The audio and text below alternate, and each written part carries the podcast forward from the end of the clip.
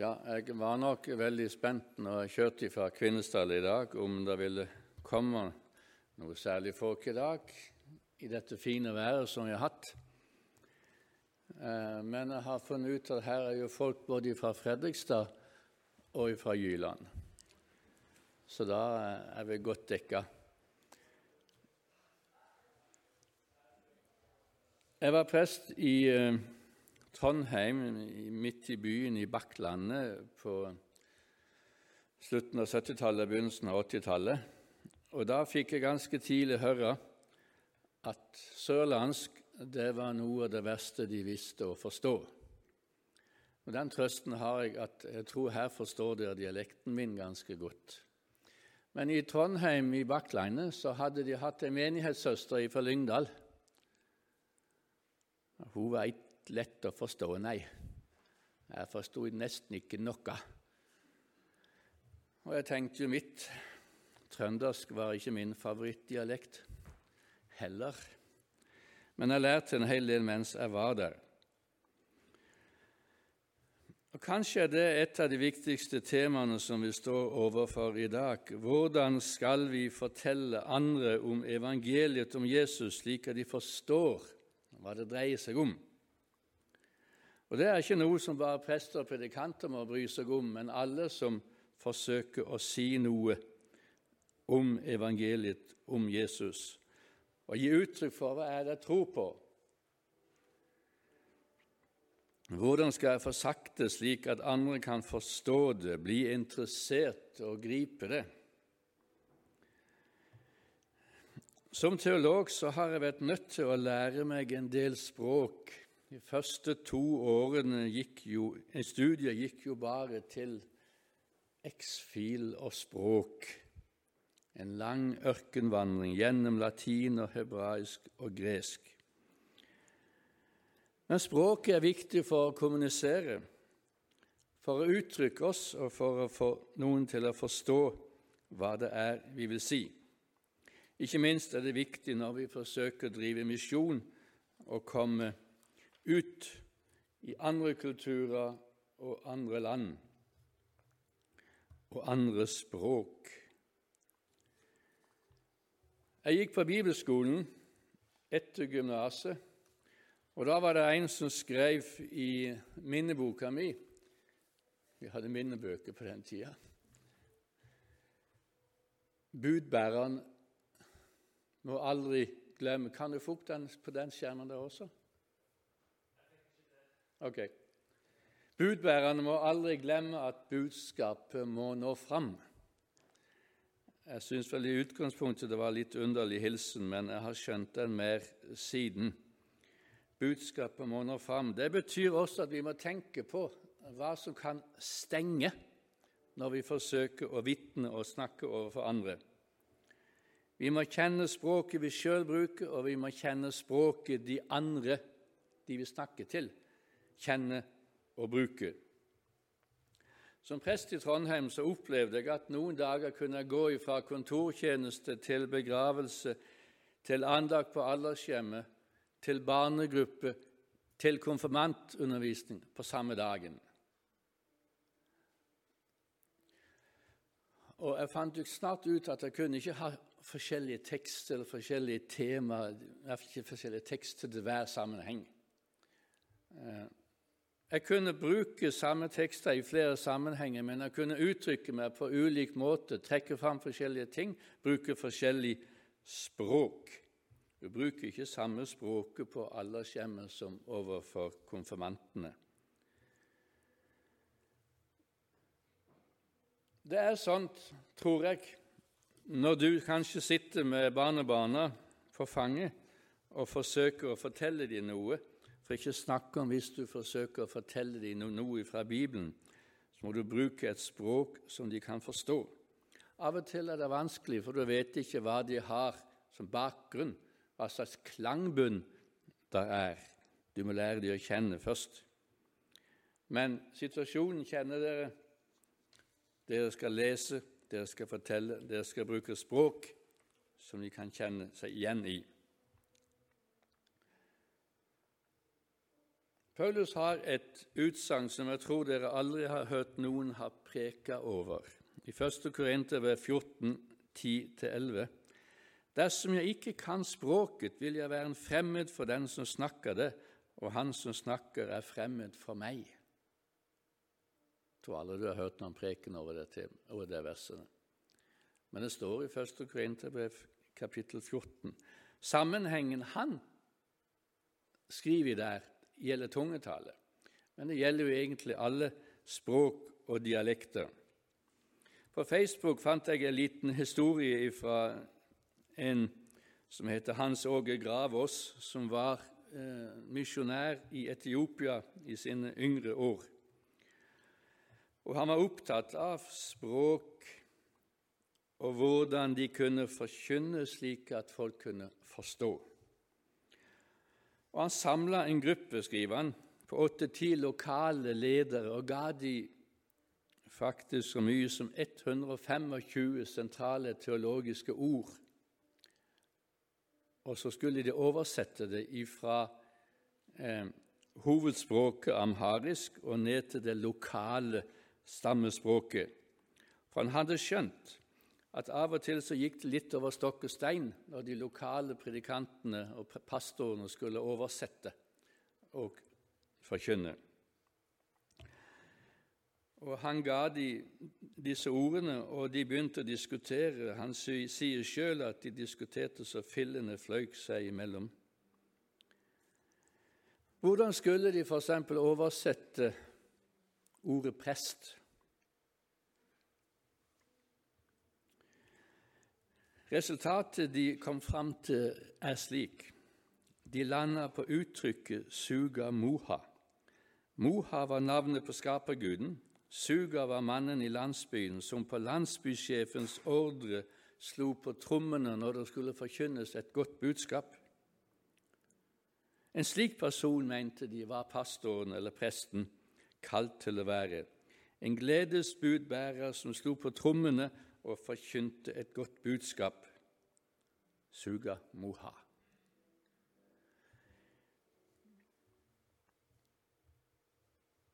Nå har vi i dag tema om Kristi mysterium. Og Nå skal vi lese noen bibeltekster sammen der Paulus bruker dette uttrykket om mysterium. Hvis dere har Bibelen med, så er det veldig fint om dere kan slå opp og Vi begynner med Efeserbrevet 1, 7-10.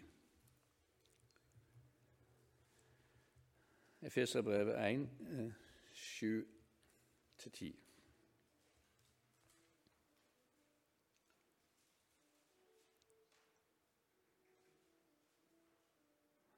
Og Den lange innledningen min som jeg nå har vært igjennom, det er for å komme fram til hvordan fungerer dette ordet når han snakker om Kristi mysterium?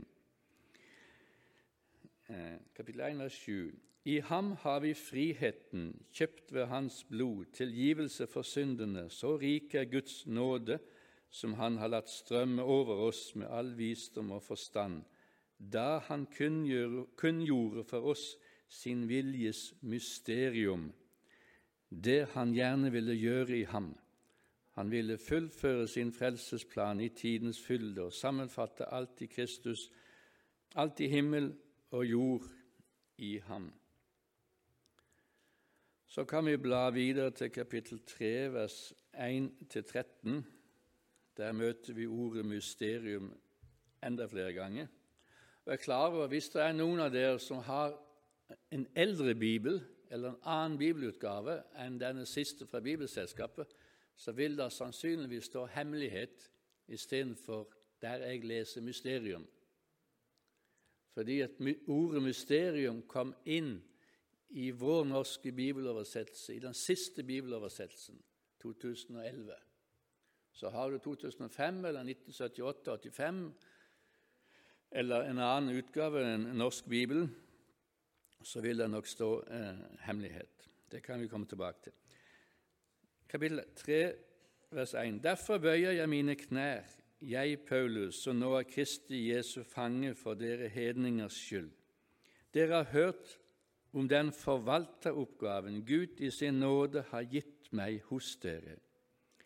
I en åpenbaring ble mysteriet gjort kjent for meg.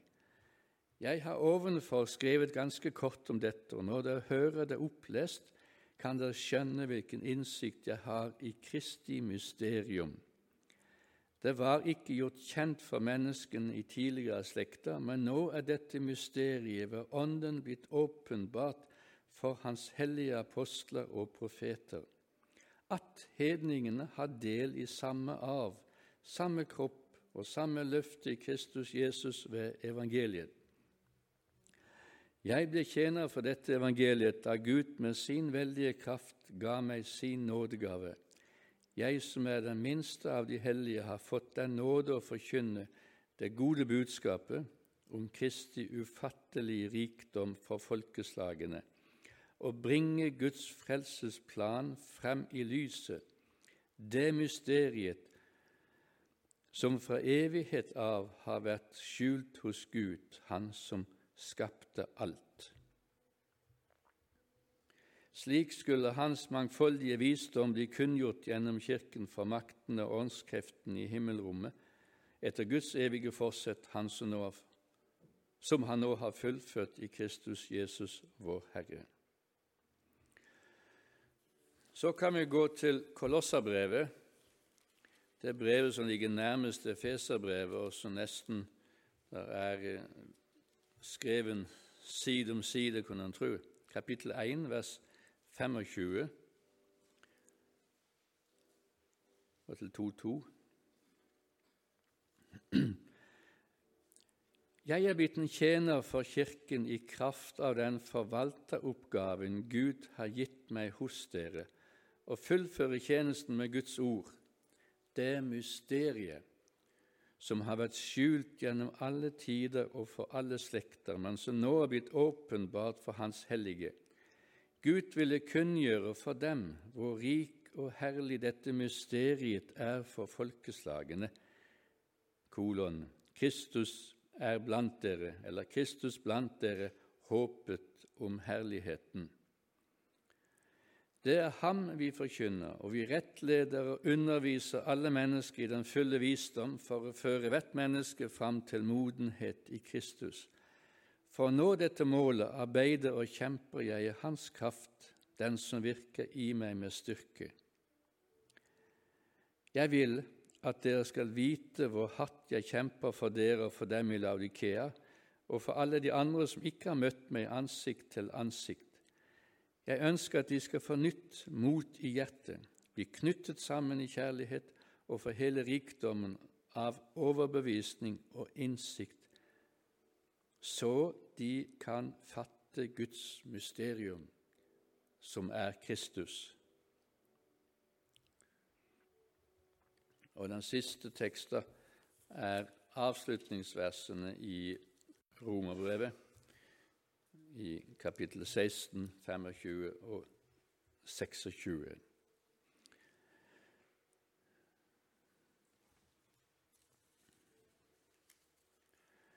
Lovet være Gud, Han som har makt til å styrke dere med mitt evangelium, budskapet om Jesus Kristus, ut fra åpenbaringen av det mysterium som har vært skjult fra, hemmelig, fra evige tider, men som nå er kommet for dagen Gjennom profetiske skrifter og etter den evige Guds befaling er dette mysterium blitt kunngjort for alle folkeslag for å lede dem til lydig tro. Ham den eneste vise Gud være ære ved Jesus Kristus i evighet. Amen.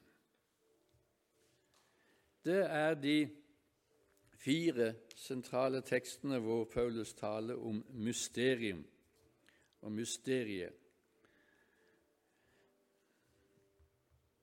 Eller som det står i en eldre oversettelse hemmelighet. Og Da er spørsmålet hvorfor bruker Paulus i disse brevene denne språkbruken? Var det noe spesielt som gjorde at den språkbruken kommuniserte særlig godt i denne sammenhengen, nemlig i Efeserbrevet? Og Da har jeg satt opp tre punkt for det som kommer. nemlig Paulus som profet. Litt om forkynnelsen og samtiden, og hvordan de to tingene må høre sammen. Og så litt noen punkter i siste del. Hva er det egentlig disse versene og denne ordbruken og denne forkynnelsen har å si oss i dag? Det første gjelder Paulus som profet. Jeg er ikke sikker på om dere er vant med å tenke om Paulus at han var en profet. Han sier aldri heller at han var en profet. Han taler om at det ble åpenbart til apostler og profeter. Men det er tekst som viser at Paulus nok tenkte seg at de åpenbaringene han fikk, de var nå en type åpenbaringer på linje med de åpenbaringene som profetene fikk i Det gamle testamentet. Hvordan vet vi det? Jo, når Paulus forteller om sitt kall, kallet utenfor Damaskus, så sier han Gud som utvalgte meg allerede i mors liv og kalte meg ved sin nåde besluttet i sin godhet å åpenbare sin sønn for meg, for at jeg skulle forkynne evangeliet om ham for folkeslagene. Det versene der, det er som et ekko av utsagn som fins i Det gamle testamentet når profetene forteller om sine kallelsesberetninger. Profeten Jeremias, profeten eh, Jesaja og profeten Esekiel har alle et lite avsnitt, Jeremia 1, Esekiel 1 og eh, Jesaja 6, om når de fikk Guds kall. Og I Jeremia så er det uttrykt slik For før jeg formet deg i mors liv, kjente jeg deg, og før du ble født, helliget jeg deg. Til profet for folkene satte jeg deg. Så når Paulus forteller om sin kallsopplevelse, så bruker han profetspråk. Og Det kan bare bety én ting. Han stiller seg inn i rekka av å være en profet og er blitt kalla på samme måte og med et budskap fra Gud å bringe. Vi har en tendens til å tenke på at profeti og profeter det er noe som gir framtidsutsagn. Men profetene var også, og kanskje enda mer enn det folk som forkynte til sin samtid og tok opp samtidsforhold og kritiserte og forkynte Guds budskap inn i den situasjonen. Så når Paulus kaller, snakker om sin kallelsesberetning, så er han en profet som skal forkynne evangeliet, som skal forkynne om Guds mysterier. Så det er det ene. Paulus' beskrivelse av møtet med den oppstandende er forma med profetenes kallelsesberetninger i tankene. Så selv om han ikke kaller seg profet, jeg profeten Paulus, sier han aldri, men han har plassert seg, når han i Galaterbrevet 1 karakteriserer seg på denne måten. Så er neste spørsmål hvorfor bruker han da uttrykket om mysterium, om Guds mysterier? Var det et språkbruk som var kjent på denne tida? Var det en språkbruk som de hadde assosiasjoner til, og som kunne gi de aha-opplevelser om hva det var han forsøkte å si? Ja, det er akkurat det som er tilfellet. I Feserbrevet skriver Paulus til en menighet som består av både jødekristne og hedningkristne. Og de hadde hver sin bakgrunn i språk og kultur. I, eh, blant de jødiske kristne kjente de begrepet mysteriet fra Det gamle testamentet. Ifra ei bok som står på slutten av det vi kaller Det gamle testamentet, nemlig Daniels bok, der Daniel blir beskreven gang på gang som en som får åpenbart Guds mysterier. Daniel blir kalt ifra eh, herskeren der han bodde, om han kunne fortyde drømmene hans. Han ville at de skulle be Gud i himmelen, står det i Daniel 2, om å vise barmhjertighet til å åpenbare dette mysteriet. Og så står det da ble mysteriet åpenbart for Daniel i et syn om natten, og han forkynte det for eh, kongen, kan vi kalle han. Og Dette uttrykket er brukt flere ganger i Daniels bok, men ikke ellers i Gamle testamentet, så det har en bakgrunn. De kunne assosiere med åpenbaringen, tydingen, åpenbaringen som ble gitt fra Gud til Daniel. Og Paulus skriver jo sjøl Ja, nå kommer fram her. I en åpenbaring ble mysteriet gjort kjent for meg det var ikke kjent for menneskene i tidligere slekter, men nå er dette mysteriet ved Ånden blitt åpenbart. Så ikke bare beskriver han sin kallelsesberetning i form av profetutsagn, men når han beskriver at mysteriet ble åpenbart, så tar han Danielspråket i bruk, han som fikk åpenbart mysteriene.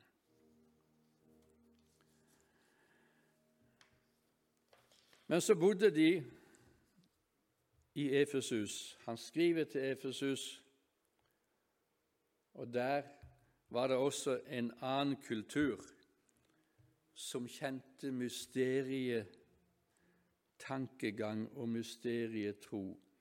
Vi snakket forrige gang om at de hadde Diana og Diana-dyrkelsen og en stor eh, interesse for magi. Men i denne kulturen så var det også noe som vi kaller for mysteriekulter eller mysteriereligioner. De var utbredt over hele Romerriket, også i Efesus. Og de bestod av innvielsesritualer. De bestod i hemmelige eh, ritualer som skulle gi en form for høyere visdom og en form for frelse. Og det er Når du leser om disse mysteriekultene, så kan du se at det er mye likt mellom de og vår tids frimurerbevegelse, frimurerlosjene, som har hemmelige ritualer, hemmelige sammenkomster, innvielser i hemmelige ritualer. For disse som var i Efesus og i Romerriket på den tida, som ble innvia i mysteriereligionene, de hadde fått beskjed om ikke å fortelle hva de ble innviet. De førte noen ganger i et sted som heter Lefsis utenfor Aten. Der har jeg vært et par ganger, Den myr, eh, bare ruiner igjen. Men de ble ført ned i hemmelige, mørke ganger og fikk se ting og høre ting som det var forbudt for dem å si. Og Faktisk så holdt de så mye tett at vi ikke veit verken hva de fikk høre, eller hva de får se, men bare at det var noe de fikk høre og fikk se.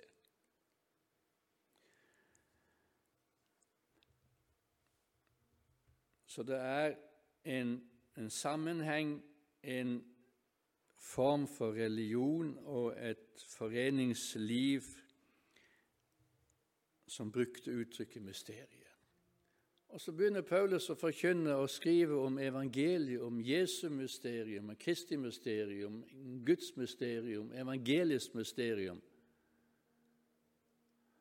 Og Da spør jeg hvorfor gjør han det?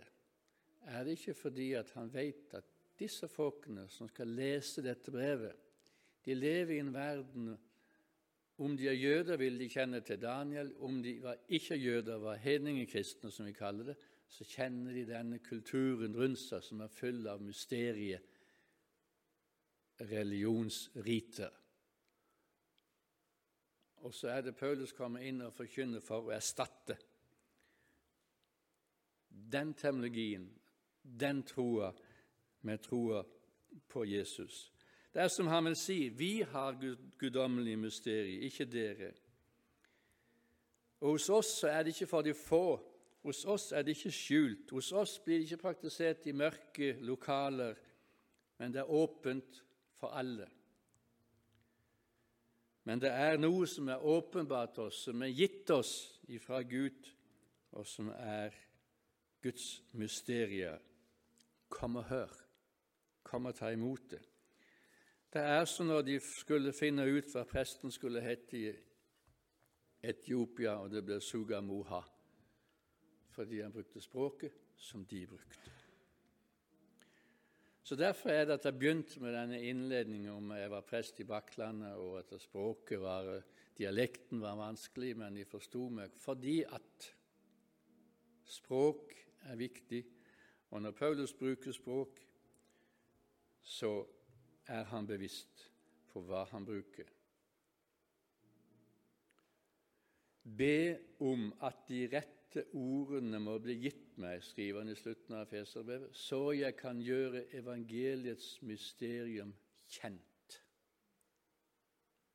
Be om at jeg må få de rette ordene, de rette uttrykkene, de rette begrepene som kan gi tilhørende mine en aha-opplevelse.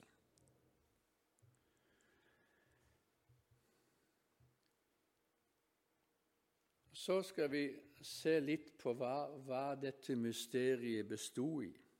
Hva er det han beskriver som Guds mysterium? Ja, Først og fremst er det Guds frelsesplan. Punkt A her. Det er Guds frelsesplan. Den plan Gud har lagt for at menneskene skulle komme til tro og bli frelst.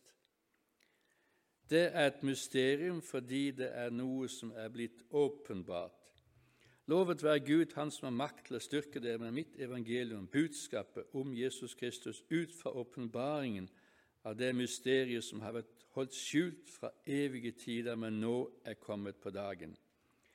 Ved de profetiske skrifter etter den evige Guds befaling er den vi kunngjort for alle folkeslag. Og i 1. Korinterbrev 2 sier han det intet øye så og intet øre hørte, det som ikke kom opp i noe menneskes tanke, alt det Gud har gjort ferdig for dem som elsker ham. Det er det jeg forkynner. Og Da skjønner det kunne passe med å bruke ordet hemmelighet, brukte ok, eller mysterium. Evangeliet er egentlig skjult for menneskene. Det er ikke kommet opp i noe menneskes tanke, det er blitt åpenbart det sier også at evangeliet er unikt, er enestående, og at det er annerledes enn alle andre religioner, trossystem og tanker. Det stiller seg hos Paulus med kristendommen og alle de andre religionene. Ikke kristendommen én av de mange, men kristendom og alle de andre. Det stiller seg for Paulus med nåden alene eller gjerningene. Det stiller seg for Paulus med at Gud kom til oss, i motsetning til de mange som prøver å strekke seg opp til Gud. Dette bildet her eh, fikk litt feil vinkel. Det er jo tatt fra Michelangelos maleri der Vår Herre strekker ned mot Adam, mot mennesket. Og Det er jo sentrum i evangelium, at det er Gud som kommer til oss. I Jesus, Jesus som kom, ble født som menneske, selv om han var Gud. Julens budskap er kjernen i mysteriet. Og det er et mysterium, og det er annerledes. Jeg syns av og til vi hører litt lite om det.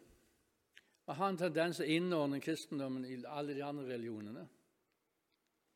Men det er stor forskjell på å bli frelst av nåde og prøve å strekke seg mot Gud ved hjelp av sitt liv og sin moral og sine gjerninger. Og det er ingen andre som forkynner nåden slik du finner den i Bibelen og i kristendommen.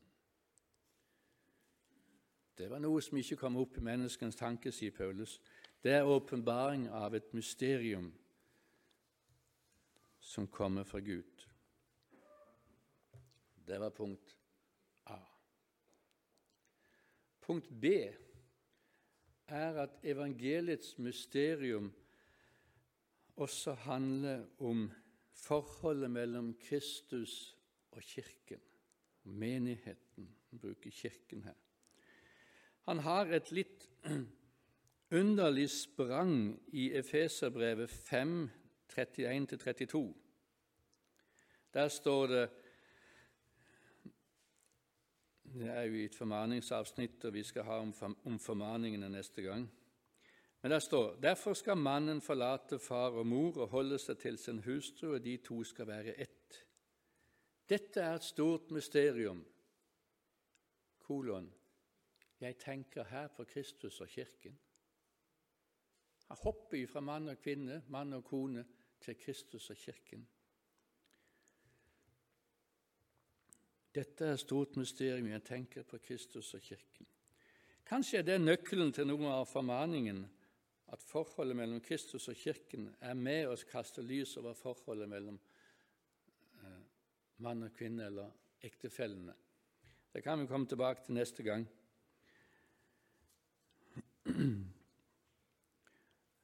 Men det som ligger bak Paulus' tanke her om Kristus og forholdet mellom Kristus og Kirken som mysterium, er også det som har skrevet et annet sted, at vi har én kropp. Mann og kone skal være én kropp et legeme.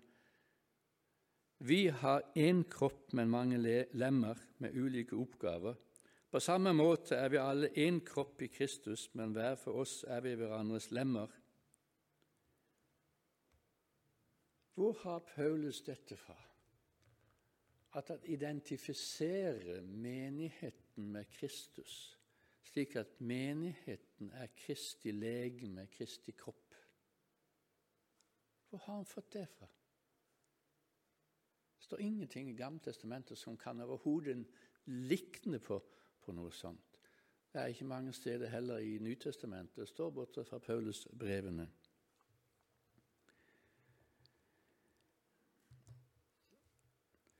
Men det er et sted hvor Jesus åpenbarer seg for Paulus og sier noe til han som må ha satt tankevirksomheten i gang hos Paulus.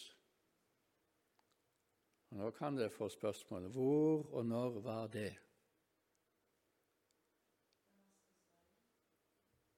Hm?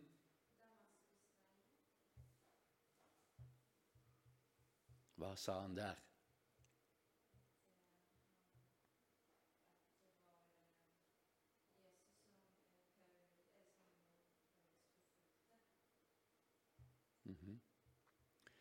Det som der står i Apostelens gjerning kapittel 9, eh, at Jesus viser seg og sier 'Saul, Saul, hvorfor forfølger du meg?' Paulus forfølger de kristne. Og så sier Jesus 'Hvorfor forfølger du meg?' Altså, Jesus, den oppstandende, identifiserte seg med de kristne som Paulus forfulgte. Og da er det en amerikaner som heter Seyon Kim, har skrevet en doktoravhandling om Damaskus-opplevelsen, som sier her ligger kimen til Paulus' kirkesyn. Identifiseringen mellom Jesus og kirka. Og Så kommer Paulus senere og skriver og kaller vi er ett legeme. Vi er Kristi legeme.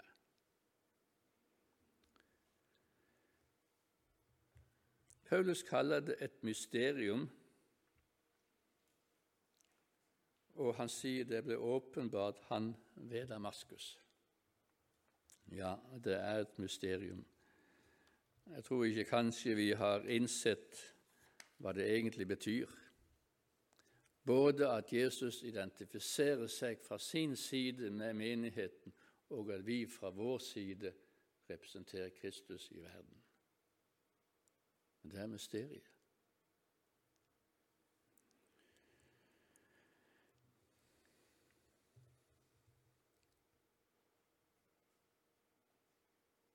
Det neste, punkt C, tredje delen av evangeliets mysterium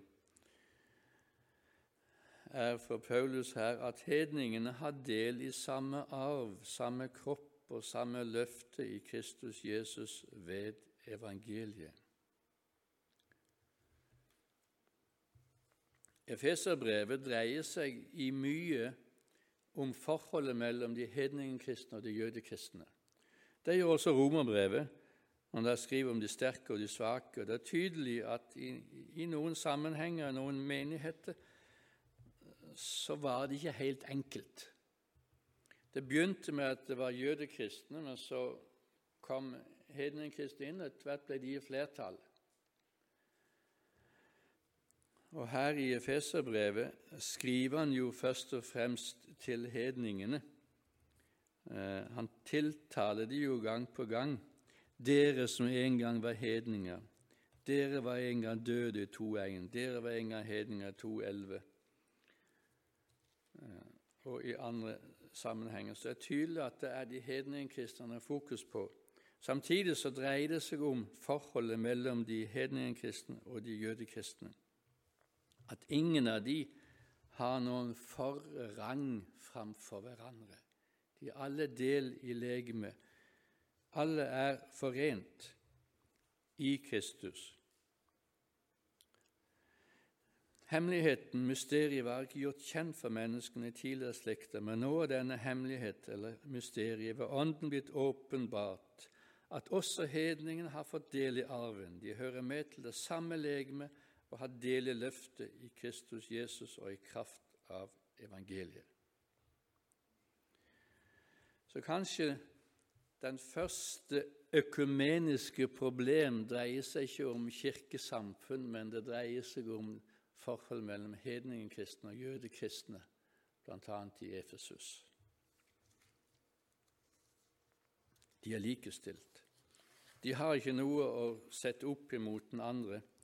Selv om han sier hedningene må huske at før så var det utenfor paktene, utenfor løftene, uten Gud og håp i verden, men nå er dere kommet inn.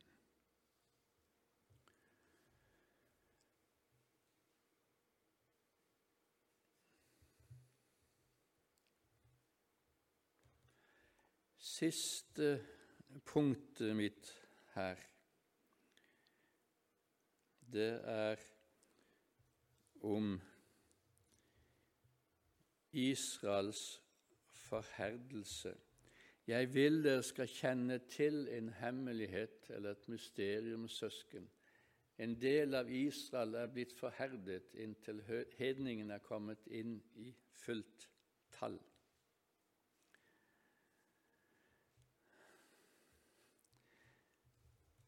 Paulus' nød og problem var og Han bruker tre hele kapitler i Romerbrevet, kapittel 9-11, og prøver å komme til bunns i forholdet. Hvorfor har ikke Israel, det jødiske folk, tatt imot Jesus som Messias? Hvorfor i all verden har de ikke gjort det? Og han sier jo sjøl at han skulle ønske at han var forbanna bort ifra Kristus. Jeg taler sannhet i Kristus, Romerne 9,1. Jeg lyver ikke, min egen samvittighet bekrefter det i Den hellige ånd. Jeg bærer stor sorg i hjertet og plages uavbrutt. Ja, jeg skulle gjerne vært forbannet og skilt fra Kristus, om det bare kunne være til hjelp for mine søsken som er av samme folk som jeg. De er israelitter, og de har retten til å være Guds barn. Og herligheten, paktene, loven, tempeltjenesten og løftene tilhører dem. De har fedrene, og fra dem stammer også Kristus, ham som er Gud over alt, velsignet i all evighet.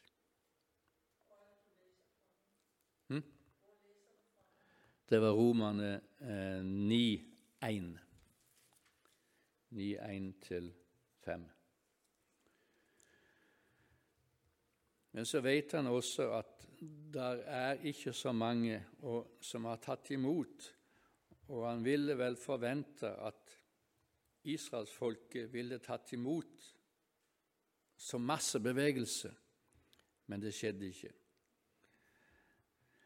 I kapittel 11, vers 1 skriver han så:" Jeg spør så, har Gud forkastet sitt folk? Slett ikke. For også jeg er israelitt av Abrahams ett og Benjamins stamme. Gud har ikke forkastet sitt folk, det folket han hadde vedkjent seg. Vet dere ikke hva Skriften sier i fortellingen om Elia, der han anklager Israel overfor Gud? Og han svarer at 'jeg har holdt igjen 7000 menn som ikke har bøyd kne for Baal'. På samme måte er det også i vår tid blitt en rest igjen som Gud i sin nåde har utvalgt. Dette kaller han for en hemmelighet eller mysterium, at en del av Israel er blitt forherdet inntil hedningene er kommet inn i fullt tall. Nå vet jeg at forholdet mellom Israel og Kirken det har vært diskutert vegg opp og vegg ned. Og ordspråkenes utsagn stemmer. Det er ikke ende på all bokskrivningen, heller ikke om dette temaet. Det er jo to hovedsyn. Det ene synet går ut fra at det er en Israel og Kirken står side om side, en slags topaktsløsning. Og det andre, for å si det veldig enkelt, er jo det som de da kaller for erstatningsteologi, at Kirka har erstatta Israel, og at Israel nå blir frelst med å gå inn i kirka. Jeg har ikke tenkt å gå inn i den problematikken. Poenget mitt er bare at den store nøden det er for Paulus at dette forholdet eksisterer, nemlig at Israel ikke har tatt imot som helhet, og at det for han er et mysterium, en hemmelighet. Så når han bruker Romerne kapittel 9 og kapittel 10 og kapittel 11, og deles også Feserbrevet og kommer til bunns i, men du får inntrykk han, han gir opp før han er på bunnen. Det er mysterium.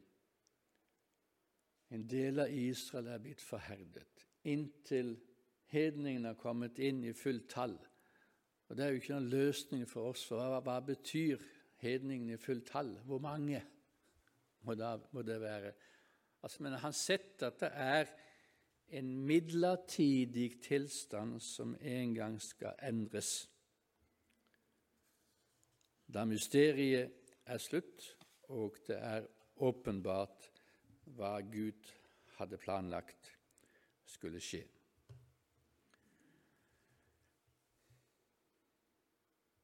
Så evangeliets mysterium Ordene våre, eller ordet, evangeliet, kommer aldri nakent. Det er kledd i et språk som kan stenge, eller som kan åpne opp når jeg forkynner, når du snakker om evangeliet eller vitner.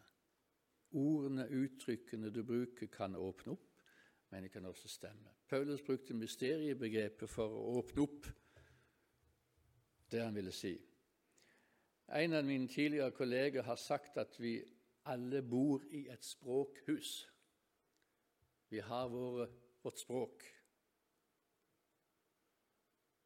Og Det dreier seg ikke om det er trøndersk eller jylandsk eller hva det måtte være, men det dreier seg om hvilke ord og uttrykk du bruker for å, her, å vitne om evangeliet. Vi har nå et uttrykk som heter Kanans språk, og det er jo et negativt uttrykk, for det betyr eh, et gammeldags bibelspråk som ingen bruker eller forstår eh, lenger i dag. Vi hadde en stor trekkspiller, trekkspillartist, jeg tror det var Freddy Kristoffersen, som ble kristen. Og jeg hørte han i Kvinesdal. Han var med to av døtrene sine vitner. Men språket hans var Kanans språk til så grader så jeg tenkte Oi, hvor har du, som kom fra en helt annen sammenheng, lært deg dette språket? Jeg trodde han ville komme lenger enn han har brukt sitt eget språk. og forkynt. Hva er ditt språkhus? Paulus brakte evangeliet inn i efesernes kultur, inn i den mysterie, hungrige kulturen. Kristi mysterium er i dag evangeliets himmelske opphav. Altså Ordene mysterium og hemmelighet uttrykker at evangeliet har sin opphav på den annen side, i den himmelske verden. Kristi mysterium er i dag evangeliets himmelske opphav og dets verdensomspennende gyldighet. Det gjelder for alle, alltid og alle steder. Derfor kan vi slutte med Paulus' egen lovprisning Lovet være Gud, Han som har makt til å styrke dere med mitt evangelium, budskapet om Jesus Kristus, ut fra åpenbaringen av det mysterium som har vært holdt skjult fra evige tider, men som nå er kommet for dagen. Gjennom profetiske skrifter og etter den evige Guds befaling er dette mysterium blitt gjort kjent for alle folkeslag for å lede dem til lydig tro.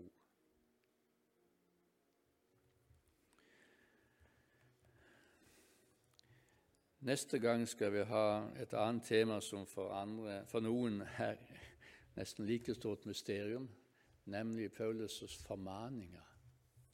Hvordan skal vi forstå formaningene hans? For hvert eneste brev så er det et, avsnitt, et formaningsavsnitt. Og hvis det er noe som er blitt kritisert av det Paulus skriver, så er det nett, nett, nettopp hans formaninger. Han er kvinnefiendtlig og alt mulig stygt i formaningene, blir det sagt. Jeg er ikke så sikker på det. Vi skal se på det neste gang.